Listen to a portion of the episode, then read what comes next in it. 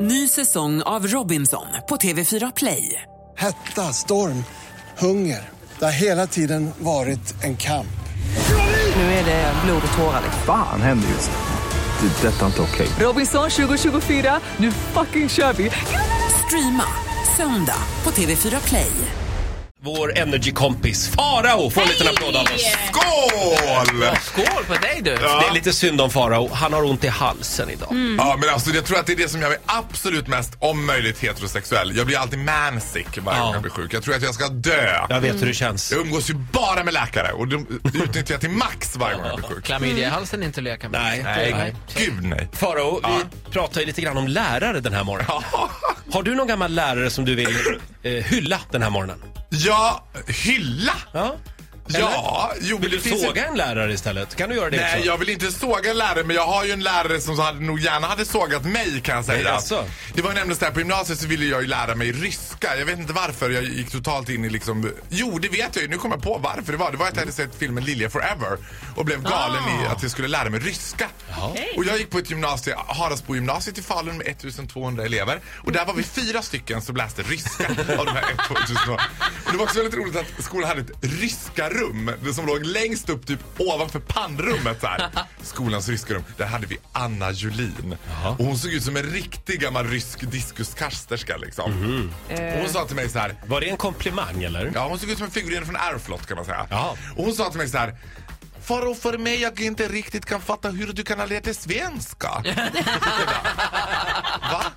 Ja men du har ju teflonhjärna. Jag bara, Teflonhjärna? Ena dagen du kan räkna, andra dagen du inte kommer ihåg någonting. Herregud, jag fattar Ta inte. lite vodka istället! Ta lite vodka. Det enda jag kommer ihåg från de här ryska lektionerna det är att jag lärde mig att säga Jag приехал на фальсивье паспорт.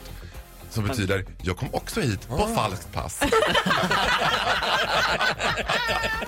Jag, jag Vilket kan... eh, är ofta är ett ganska bra sätt att öppna en replik med nya ryssar man möter. Man har Jag gemensamma приехал. nämnare. Ja, jag brukar stå utanför ryska ambassaden och bara Hallå, привет, jag приехал на фальсивье паспорт.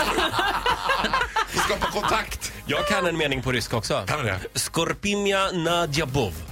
Ingen aning vad det betyder. Nej, jag vet inte heller vad det betyder. Men det är en gammal, eh, vad heter hon, Alla Pugutjova-låt. Oj. Från 80-talet. Skorpina alla... Skorpimia nadjabov. Du är, så, du är, som, är som ett homosexuellt lexikon, Roger. Alla Pugatjov, vem fan kommer ihåg? Hon är en riktigt härlig gammal fag Lever hon fortfarande? Ja, gud ja. Alltså. Men hon umgås inte med bögar längre, för det får man inte göra i Ryssland. De är väldigt hårda Det på var Anna Julin också.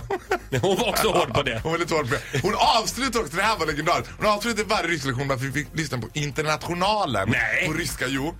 Eta jednash palchevskij Förlåt, va, varför, lä- varför hade hon lämnat Sovjetunionen? Hon verkade ju Jag tror- jag tror inte- trivas där. Vet du vad, jag tror inte att hon var ryskalärare, jag tror att hon var sovjetlärare. Ja, det var hon nog. Jag tycker hon verkar helt underbar. Bra Ja. jobbat Anna. Jag tycker vi bjuder hit Anna. någon hon är morgon. välkommen. Ja, det tycker jag. Men du ser lite rädd ut när jag säger att vi ska bjuda hit henne. Ja. Ja. Men ni kan bjuda hit henne, jag det kommer kan du inte gott vara. Eh, tack för den här morgonen Farao. Ja, tack du får en detsamma. applåd av oss. Hej då!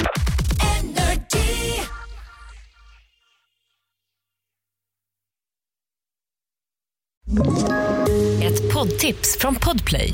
I fallen jag aldrig glömmer djupdyker Hasse Aro i arbetet bakom några av Sveriges mest uppseendeväckande brottsutredningar.